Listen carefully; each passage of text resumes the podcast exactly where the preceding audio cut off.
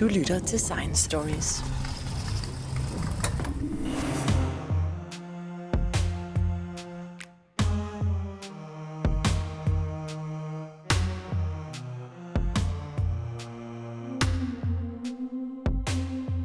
Selvom der har været flere begyndende skrækscenarier i de senere år med anslag til sygdomme, som spreder sig over hele verden, så er vi ikke vant til, at alvorlige infektionssygdomme kan sprede sig med stor hast og ramme tusinder eller millioner af mennesker. Men med den seneste coronavirusudbrud bliver vi opmærksom på, at et nys i Kina hurtigt kan få en global effekt, også i Europa. Den sidste store globale pandemi som virkelig betød noget, var den spanske syge, som i 1918 dræbte langt flere mennesker i løbet af et år end hele den første verdenskrig. Selvom det er over 100 år siden, er der stadig meget, vi kan lære af den spanske syge. For at høre mere om den spanske syge og epidemier i det hele taget, har jeg sat professor Lone Simonsen i stævne på Roskilde Universitetscenter – og Lone Simonsen, du har studeret den spanske sygdom i mange år og har blandt andet arbejdet for WHO med globale epidemiberedskaber. Hvad var den spanske syge for en sygdom? Ja, det var øh, den første influenza A-infektion, øh, som jeg har studeret, da jeg var, øh, hvad? Jeg var i, det var i 1992, øh, jeg begyndte på det her, i, da jeg arbejdede på Centers for Disease Control i Atlanta. Og vi blev opmærksom på noget meget specielt, som var ved den der pandemi, og det var, at, øh, at der var en helt usædvanlig aldersfordeling.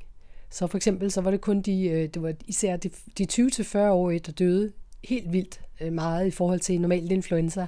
Så jeg begyndte at interessere mig for sådan nogle øh, signaler nærmest, der er i forbindelse med influenza, pandemi-influenza, også i forhold til øh, sæsoninfluenza, som vi jo kender hvert år, så er der sådan en epidemi om vinteren. Men man ville jo normalt forvente sig, at sådan en sygdom ville ramme mest de ældre, svage og de helt unge. Jamen det var det, der var helt anderledes. Vi er jo vant til, øh, at, at mange infektionssygdomme, de er efter de, de unge børn, og så de gamle, som du siger. Men den her var nærmest omvendt. Det var, hvis man ser på, hvem der var i risiko, så var det mest alvorligt hos dem, der var 20-40 år gamle og ret raske. Og hvorfor egentlig det? Ja, det var rigtig godt. Det er faktisk, der er ligesom to spørgsmål i det der, som vi har arbejdet med. Det ene er, hvorfor er det sådan, at dem, som er ældre end 40 år, slet ikke var i nogen risiko i 1918, hvor der var altså, tænk på, at der var 50 millioner mennesker i, i dags tal, som døde af den her pandemi. Men i sådan nogle byer som København og New York City, der gik det nærmest hen over hovedet på dem, der var ældre end 40 år. Det er det ene spørgsmål. Hvorfor blev de sparet? Og det andet spørgsmål, som er egentlig er the million dollar question, det er, hvorfor de 20-40-årige var i sådan en høj risiko. Og der har vi kigget på, hvad de egentlig har været udsat for af influenza, da de var børn, som en, en vigtig risikofaktor. Så det vil sige, at vi har at gøre med en sygdom, som rammer hele verden, men den virker lidt forskelligt, og den rammer forskellige mennesker forskellige steder. Ja, helt bestemt. Altså i, i sådan nogle sammenhæng, som for eksempel store byer, som har været i kontakt, hvor der har været meget kontakt i de sidste 50 år i 1918, der er det helt klart, at dem, der er ældre, har været udsat for noget i barndommen, som beskyttede dem. Men hvis man går til nogle meget isolerede områder, som for eksempel øh, Alaska, øh, så kan man godt se sådan nogle samfund, hvor alle døde, fordi der slet ikke var nogen, der havde den der øh, beskyttelse, som de havde, som, som danske gamle for eksempel havde fra deres barndom. Okay, så, så her i Danmark, der var ældre mennesker beskyttet, fordi de måske havde oplevet ja. øh, en virus øh, tidligere i deres liv. Ja, og så prøver vi at, at sådan titrere baglæns så prøve at finde ud af, hvad, hvordan de forskellige alderskohorter havde det i 1918 i forhold til øh, de virus, der, der cirkulerede, da de, blev, da de var små børn. Men i Danmark, der var der altså øh, stadigvæk en hel del mennesker, der døde. Ja, altså det har, jeg synes, det har været lidt overvurderet, hvor mange. Altså, når vi, vi har jo arbejdet meget på det, baseret på Københavns data, hvor vi har helt unikt øh, detaljerede data. Og baseret på det, så vil vi sige, at 6.000 danskere døde, og måske 95 procent af dem var 20-40 år gamle. Så det er, der er andre, der har sagt 14.000, det mener jeg er lidt overvurderet. Men øh, nu taler man jo, altså nu kalder man den her sygdom den spanske syge. Mm-hmm. Hvorfor egentlig? Der var flere mm. forskellige steder, den egentlig kunne have opstået. Hvad ved man egentlig om det? Ja, det ved man en del om. Der var pressefrihed i Spanien, og derfor så var det den nation, der faktisk rapporterede meget tidligt om, hvad der skete med den her pandemi. Og af en eller anden grund, vi ikke rigtig kan forstå, så havde de et ret voldsomt udbrud allerede i juni-juli øh, 1918. Og det var det, der blev øh, kendt som spansk influenza øh, verden over.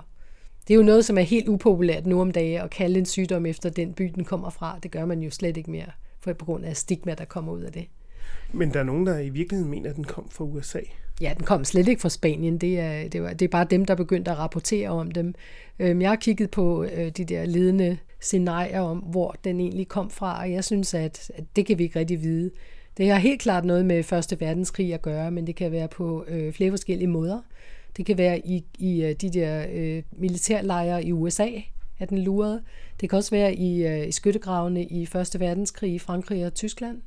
Øh, det kan også være fra Kina, hvor der var nogle gæstearbejdere, der kom til øh, Europa og Kanada i forbindelse med Første Verdenskrig, og så måske havde den med. Jeg vil skyde på, at vi aldrig finder ud af det. Men stadigvæk er det jo mærkeligt, at sådan en sygdom, altså influenza, som vi er relativt vant til, at det pludselig øh, slår øh, rigtig mange millioner mennesker ihjel. Hvad var der specielt ved den sygdom? Ja, det var et rigtig godt spørgsmål. Altså en ting, der var specielt ved den, det, det har vi fra genetikerne, som har, som har sekventeret dens øh, genom. Og de mener, at den er mest relateret til fugleinfluenza. Så altså det, er, det, det, det vi tror, der skete, var, at det var en virus, der hoppede over fra en fugl et eller andet sted, formodentlig i Kina, og, og kom ind i mennesker og blev øh, muteret, sådan at den kunne sprede sig effektivt blandt mennesker. Eller det, nu sagde jeg Kina, men altså et eller andet sted skete den der overførsel fra, fra fugle til mennesker. Og, og ja, hvorfor lige Kina? Fra, vi ser for eksempel, at de nye driftvarianter, som kommer øh, i sæsoninfluenza hvert vinter, de, de ses først tit i, øh, i Kina. Det er måske, fordi man holder mere øje med dem der. Men den her uh, influenza, eller den spanske syge, som vi, som vi fik, den ramte så hele verden, mm. men ikke sådan bare på en enkelt gang. Den kom sådan Nej. ligesom i, i flere omgange. Ja, og det er det, man, man tænker nogle gange på sådan nogle pandemier, som sådan en tornado, der sker et eller andet, og så er det væk igen. Sådan sker det slet ikke. For eksempel i 1918, der har vi studeret det her meget øh, omhyggeligt, og det viser sig, at der var en klar første bølge om sommeren 1918, som de fleste steder, som for eksempel i København, var meget mild. Og så kom den store bølge i efteråret i oktober, november, december, og det var den, der var ret dødelig. Og så blev den fuldt af to bølger til i 1919 og 20. Så ja, altså når man tænker på en, en pandemi, så tænker vi på en pandemiperiode, som er måske et par år eller op til fem år. Man hører meget om, at øh, at rigtig mange mennesker døde, og det var lidt bestemte aldersgrupper, der døde. Ja. Men når man snakker om, hvorfor det er, folk øh, rent faktisk døde af den her øh, virus, så er der jo flere muligheder. Det kunne være, at deres immunforsvar var blevet trigget af en, en tidligere infektion af en, en anden virus, men det kunne også lige så godt være, at de var forsvarsløse, fordi de aldrig nogensinde havde set en tilsvarende virus. Hvad var egentlig årsagen til, øh, til øh, den her spanske syge dødsbølge? Ja. Altså øhm, faktisk så det, jeg fortalte dig før med, at de ældre var, var slet ikke var udsat for risici, hvis de, mod, de døde overhovedet ikke i Danmark og New York og andre steder, hvor de nok havde mødt influenza for 50 år tidligere. Det, at det ikke skete i, øh, i steder som i Alaska, og alle var i risiko der, det er faktisk et rigtig godt argument mod det, du siger. Fordi at det vil sige, at i princippet kunne alle, øhm, i princippet kunne alle dø af den her virus. Det er bare, at hvis man har nogle bestemte antistoffer, kan man blive beskyttet mod den.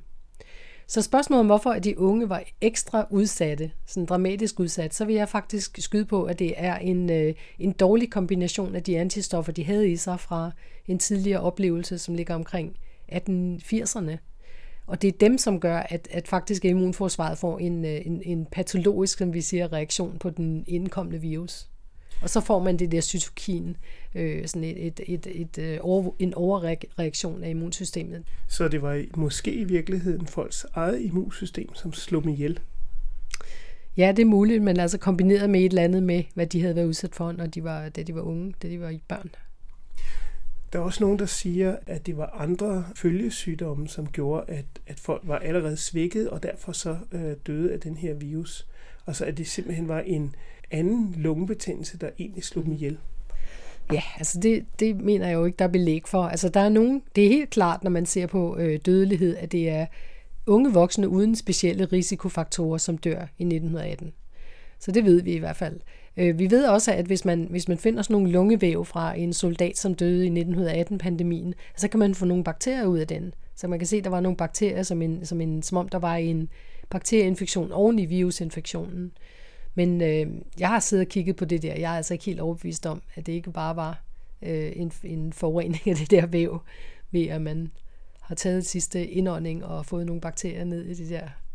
Så, så altså, der, der er faktisk to fronter der. Der er nogen, der mener, det er klart vigtigt med den der øh, bakterier, som måske kommer oven i influenzaen. Jeg mener faktisk, det er den primære influenza, der, der var øh, problemet i 1918. Nu er der gået 100 år, og, øh, og vi har ikke haft noget lignende. Vi har haft nogle pandemier, men øh, de er jo ligesom gået i sig selv igen. Hvordan kan det være, at, øh, at den spanske syge, at den blev ved med at, at komme igen, og den blev ved med at angribe folk og stå folk ihjel? Det var ligesom flere spørgsmål oven i hinanden. Den ene, som jeg sagde før, så er der jo pandemibølger i 1918. Det så vi altså også i 1957-pandemien og i 1968-pandemien, og så i den nylige 2009-pandemi. Hver gang så kommer viruset igennem, og så øh, kommer den igen næste år, eller måske den næste sommer. Øhm, så det, det er en ting. Man ser dem komme igen og igen. Og så spørger du om, hvor de blev væk. Blev de så væk, eller et eller andet? Nej, det gør de ikke. Når man har haft sådan en pandemi-influenza, øh, som for eksempel 1918 øh, viruset, så bliver det jo til sådan en sæsoninfluenza, når den har sådan vendet sig til, når, når menneskepopulationen og viruset har vendet sig til hinanden, som man, som man så må sige, så bliver det til en øh, tilbagevendende epidemisk sygdom, som, som gør mest øh, børn og ældre syge hver vinter. Og det er jo sådan en tilpasning af viruset til øh, menneskepopulationen, som sker øh, over tiden. Vi finder det i hvert fald fem år inde i, så begynder man at se det der aldersskift igen. Okay, så virusen forsvinder som sådan ikke? Den Nej. bliver bare en mildere virus, der ja. så kommer tilbage i bølger? Ja, det gør den. Så og vi, vi ser det nu i, i 2009, det er vores øh, seneste eksempel på det her. Der havde vi en, øh, en H1 svineversion øh, af H1N1, influenza A-viruset, kom ind øh, Øh, fra Mexico, og den udkonkurrerede den eksisterende H1, som faktisk var en, var en øh, efterkommer af 1918 pandemiviruset. Og så slog den nye virus så ned og blev den dominerende, og den ser vi nu som en, en øh, vintersæson virus nu. Og, og, og det her med tilpasning, det er vel også årsagen til, at man ofte nævner de her virer i, i forbindelse med et dyr af en slags. Altså den der tilpasning, som, som vi snakker om, fra, altså hvis man skal tænke fra pandemi til en epidemisk øh, fremfærd, det har alt muligt at gøre med, at viruset møder en kæmpe modstand fra populationens immunsystem. Kan du godt forestille sig. De fleste er pludselig immune. Hvis man har en, øh, at 50 procent har været udsat for den i 1918 til 1920, og halvdelen så er immune, så skal viruset finde på noget for at overkomme den der øh, modstand. Og det vil sige, at der er en hel masse genetisk drift, som vi kalder det, som, som eksisterer. Hver sæson, så, så flytter virusen sig lidt genetisk. Og det er også derfor, at vi hele tiden skal have en ny influenza-virus-vaccine. Øh, det, vi skifter dem jo som regel ud hvert vinter, for at få dem til at tilpasse sig til den virus, som cirkulerer. Men hvis man nu forestiller sig, at man øh, gerne vil undgå at blive inficeret med sådan en virus, mm. altså man gerne vil, vil forsøge at, at flygte fra den, eller, eller simpelthen bare ikke komme i kontakt med dem, hvad gør man så, når, når, når det er op mod 70 procent af en befolkning, som er inficeret med virusen? Hvor, hvor kan man gemme sig, eller er det overhovedet klogt øh, at forsøge helt at gemme sig for virus? Ja, det er jo et rigtig godt øh, spørgsmål i virkeligheden. Hvad nu, hvis man sidder den første ud? Er det så bedre eller værre, når den kommer tilbage? Og det gør den jo for, på grund af de bølger der. Øh, vi har nogle eksempler på det der. Vi har faktisk øh, fra Island et eksempel på, at der stod en mand med et gevær midt på øen og øh, stoppede videre fremfærd af viruset i 1918. Det vil sige, at hele øh, den ene side af øen blev slet ikke påvirket af 1918-pandemien. Så de har kun først fået den senere, og jeg har ikke hørt noget om, at det var værre der. På samme måde så Australien øh, lavede, øh, isoleret sig i 1918, så det også tog en hel sæson før de fik viruset i 1919. Okay, så man kan ikke isolere sig, man får den på et eller andet tidspunkt alligevel? Ja, altså det er, jo, det er jo klart, når der kommer sådan en der. Altså før eller siden, så bliver man nødt til at have med den at gøre.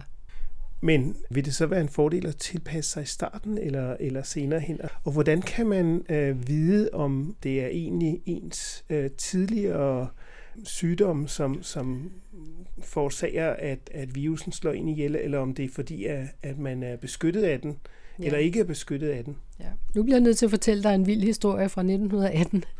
Da først vi havde siddet og set på de gamle aviser, hvor, hvor lægerne skrev om, hvad der var ved at ske der i juli med den der spanske influenza, og de skrev bare roligt, der er ingen grund til panik, det er en ret mild sygdom, der kommer. Og det øh, var også rigtigt den første bølge, og så var det, at den blev alvorlig i anden bølge verden over. Men det, der faktisk vi har regnet ud ved at se på data fra lande, hvor man har en klar første bølge, det var, at den var immuniserende. Det vil sige, at i et land som Danmark for eksempel, var der 0,2 procent af befolkningen, der døde af pandemiinfluenza, mens det var så højt som 5 procent eller mere i andre lande. Nogle gange 40 gange mere. Og det tror jeg, vi har rigtig meget med at gøre, at man faktisk blev immuniseret af den første bølge. Men ville man have vidst det i første bølge? Det vil man jo ikke. I tilbageblik er det klart, at det ville have været en god idé at være udsat for den første bølge i 1918. Men det kunne man jo umuligt vide på det tidspunkt, og det var ikke ufarligt. Men det er jo nu lang tid siden. Ja. Altså nu har vi jo moderne medicin og alt mulig øh, mm-hmm. beskyttelse og vacciner. Ja. Hvor svært kan det være? Kan man ikke bare lave en vaccine mod de her virus, og så øh, få det overstået? Altså pandemivirus, mener du? Ja. ja. Jamen, der havde vi jo lige en øh, test her i 2009-pandemien. Der startede den med at sprede sig fra Mexico og USA i omkring øh, april, marts-april. Og så øh, tog det faktisk ni måneder før, at, at, øh, at vaccinen var fremstillet og tilgængelig for, at man kunne få sig en dose. Og det var så efter, at både den første og anden bølge havde været igennem hele verden. Så øh, det var bedre end ingenting, fordi man kunne stadigvæk beskytte sig mod fremtidige bølger.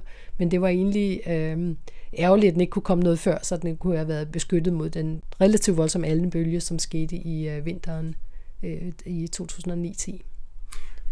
Men hvad kan man så egentlig gøre, hvis man, øh, hvis man vil overleve en, en pandemi? Altså jeg mener, øh, vi ved jo godt, at der ikke er meget at gøre med, med virus. Man har nogle forskellige øh, midler. Det her Tamiflu, som hvis det ikke var så godt, mm. som man, øh, man tidligere troede det var.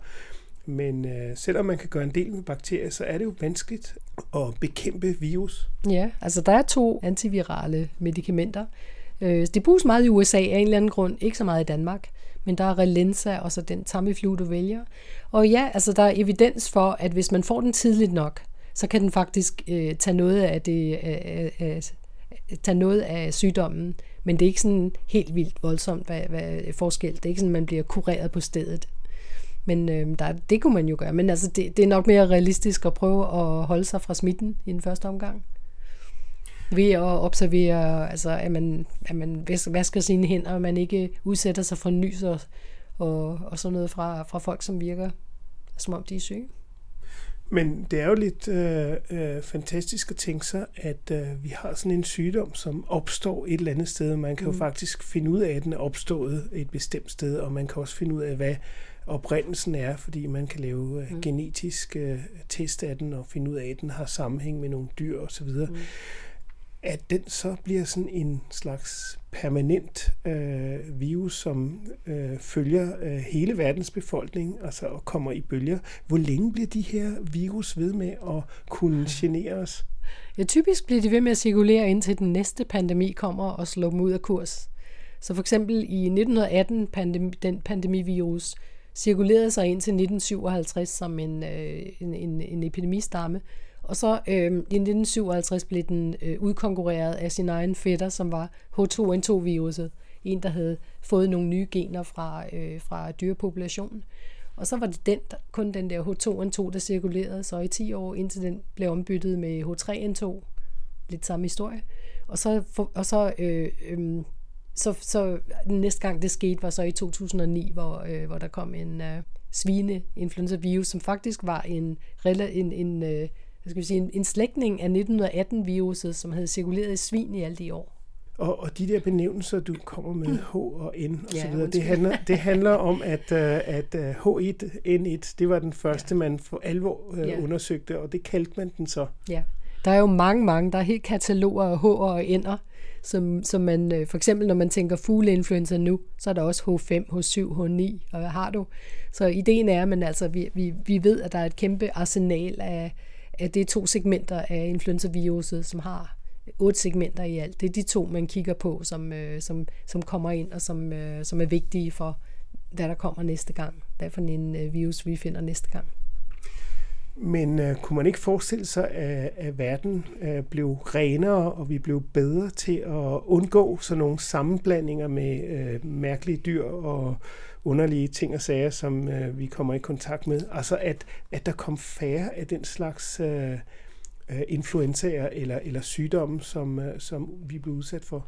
Jo, altså den, den klassiske, den er jo altså en fattig familie, der bor sammen med gæs og nej, sammen med deres grise, og ovenpå bor, bor hønsene eller, eller gæssene, og de, altså så der kommer gæs, gæsse, gæssene skider ned i, øh, og så svinene faktisk er øh, mixing vessel, hvad det så hedder på dansk, men det faktisk er sådan, det er vores klassiske idé om, hvordan en ny influenza-stamme bliver til. Men øh, ja, det sker ikke så meget i Danmark i øjeblikket. Vi har en en stor afstand til svineproduktion og til andeproduktion, men sådan er det jo ikke i hele verden. Altså vi har urbaniseringsfænomener, vi har meget fattige populationer, som lever tæt på deres dyr stadigvæk, så altså det er jo ikke, man skal hele tiden tænke på, at de her virer er globale fænomener, de er ligeglade med landegrænser. Hvis de starter et eller andet sted, og de øh, får fodfæste i, i den menneskelige population, så kan de spredes over det hele. Og det kunne man vel også forestille sig, at problemet nu om dagen er, at øh, vi har så hurtige transportmidler, så man kan slet ikke stoppe det. Ja, det er, når de først har etableret sig. Hvad er så chancen for, at de spredes? Og det er selvfølgelig klart, når vi, som, som vi bliver flere mennesker, og som vi rejser mere, så er der en endnu større risiko for, at, at den her virus spreder sig hurtigere verden over. Vi, vi ser det jo med, altså vi så det i 2009 med, det tog kun en, en måneds tid, så var der rejsende fra Mexico og, og USA, som havde øh, spredt viruset til, til alle verdensdele. Men... De fløj derhen. De fløj fra hjem fra ferie og så til nye steder.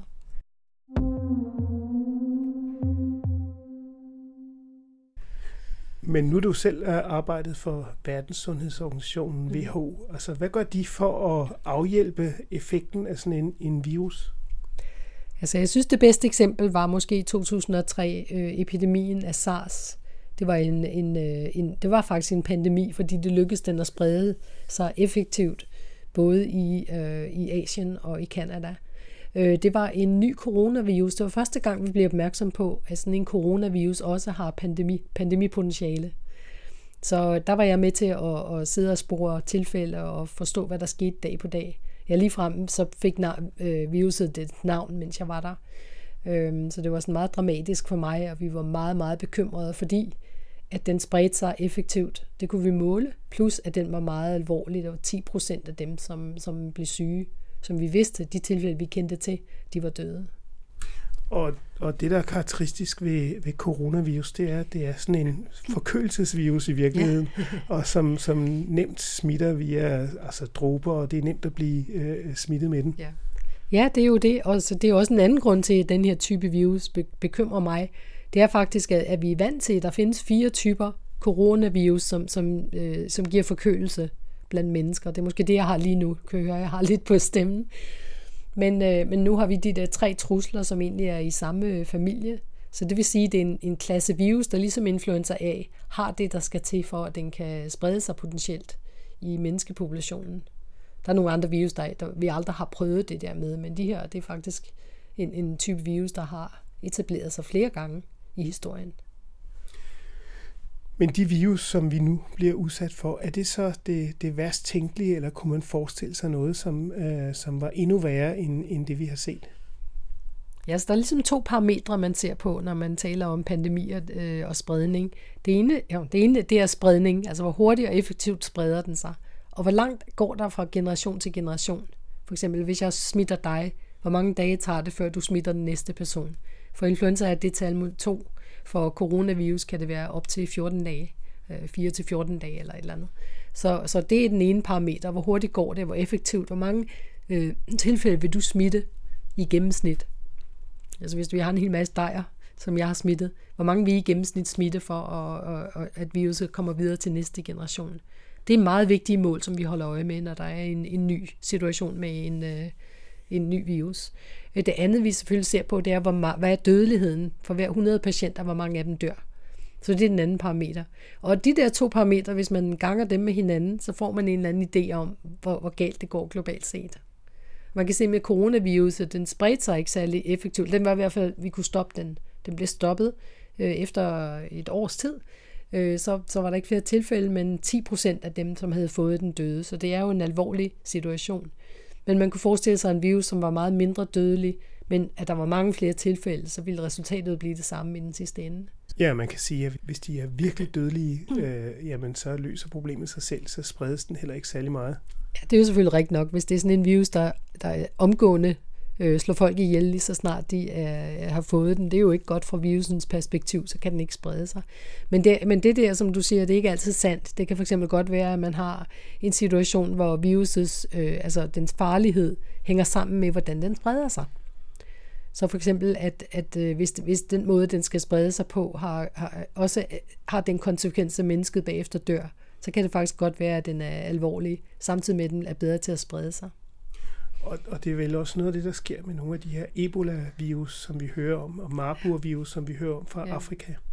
Ja, det er jo ligesom et andet bæs, de der øh, blodsygdomme. Det er øh, virer, som er, det er en anden klasse, fordi man skal faktisk røre ved en person, der har det for at få det. Man skal røre ved dem eller deres øh, blodige ejendele. Og så for eksempel ved begravelser er man udsat for risiko, hvis man rører ved livet og sådan noget. Det er en helt anden situation end de der øh, respiratoriske virer, som influenza og coronavirus.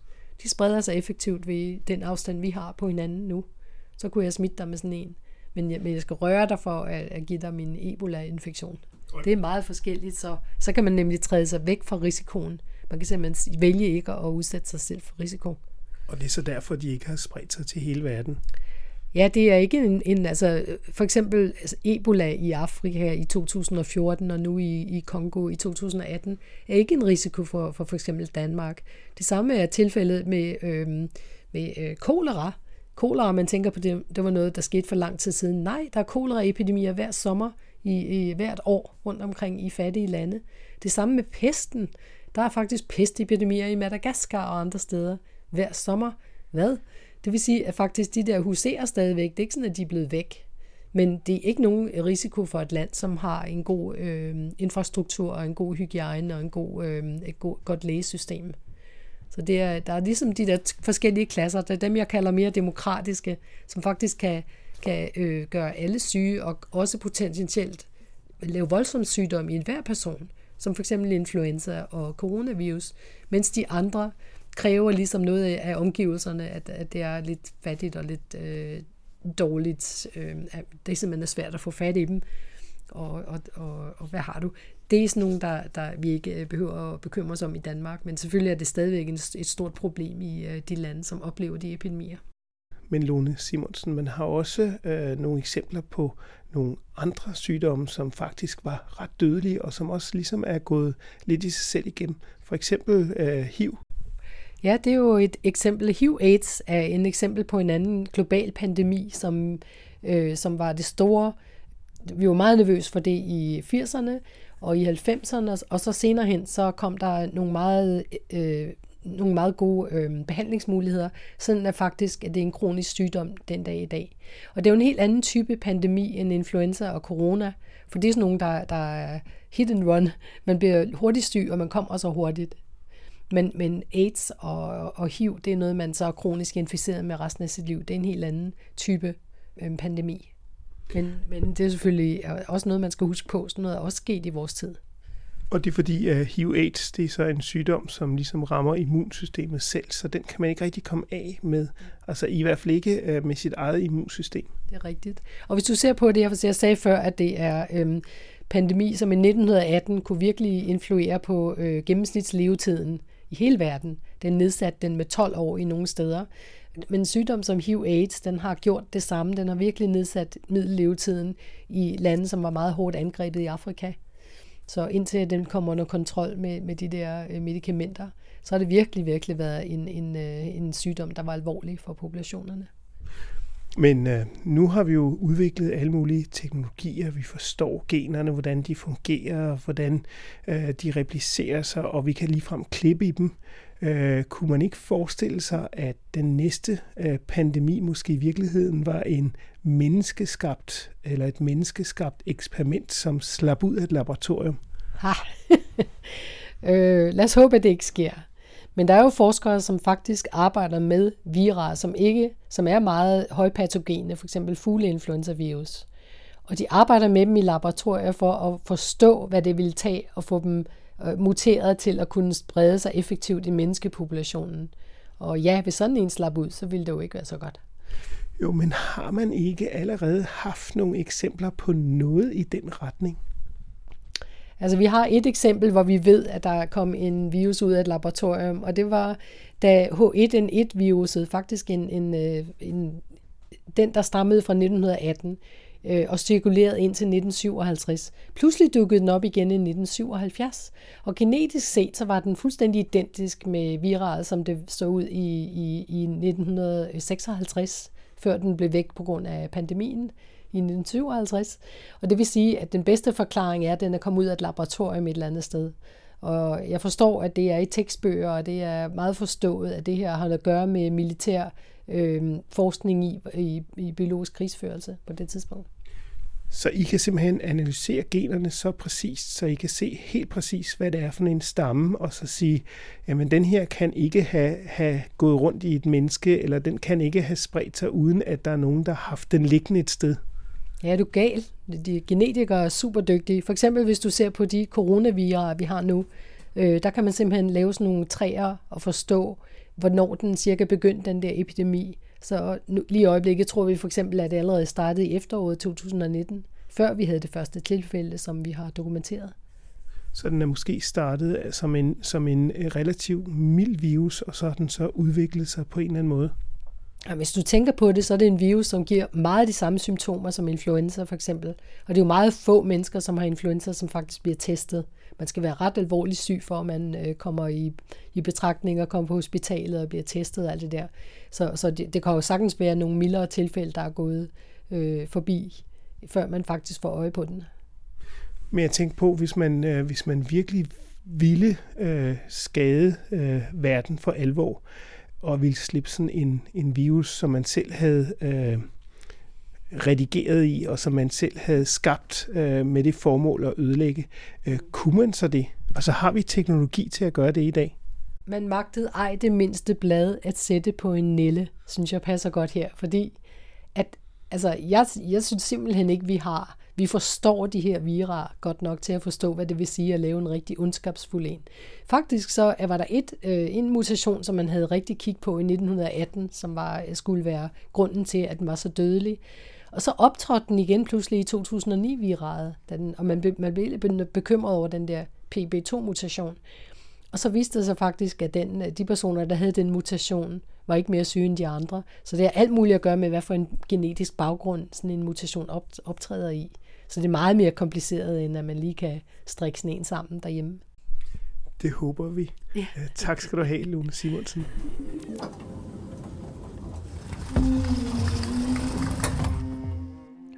Det var professor Lone Simonsen, der fortalte om virus til Jens Deget i Science Stories.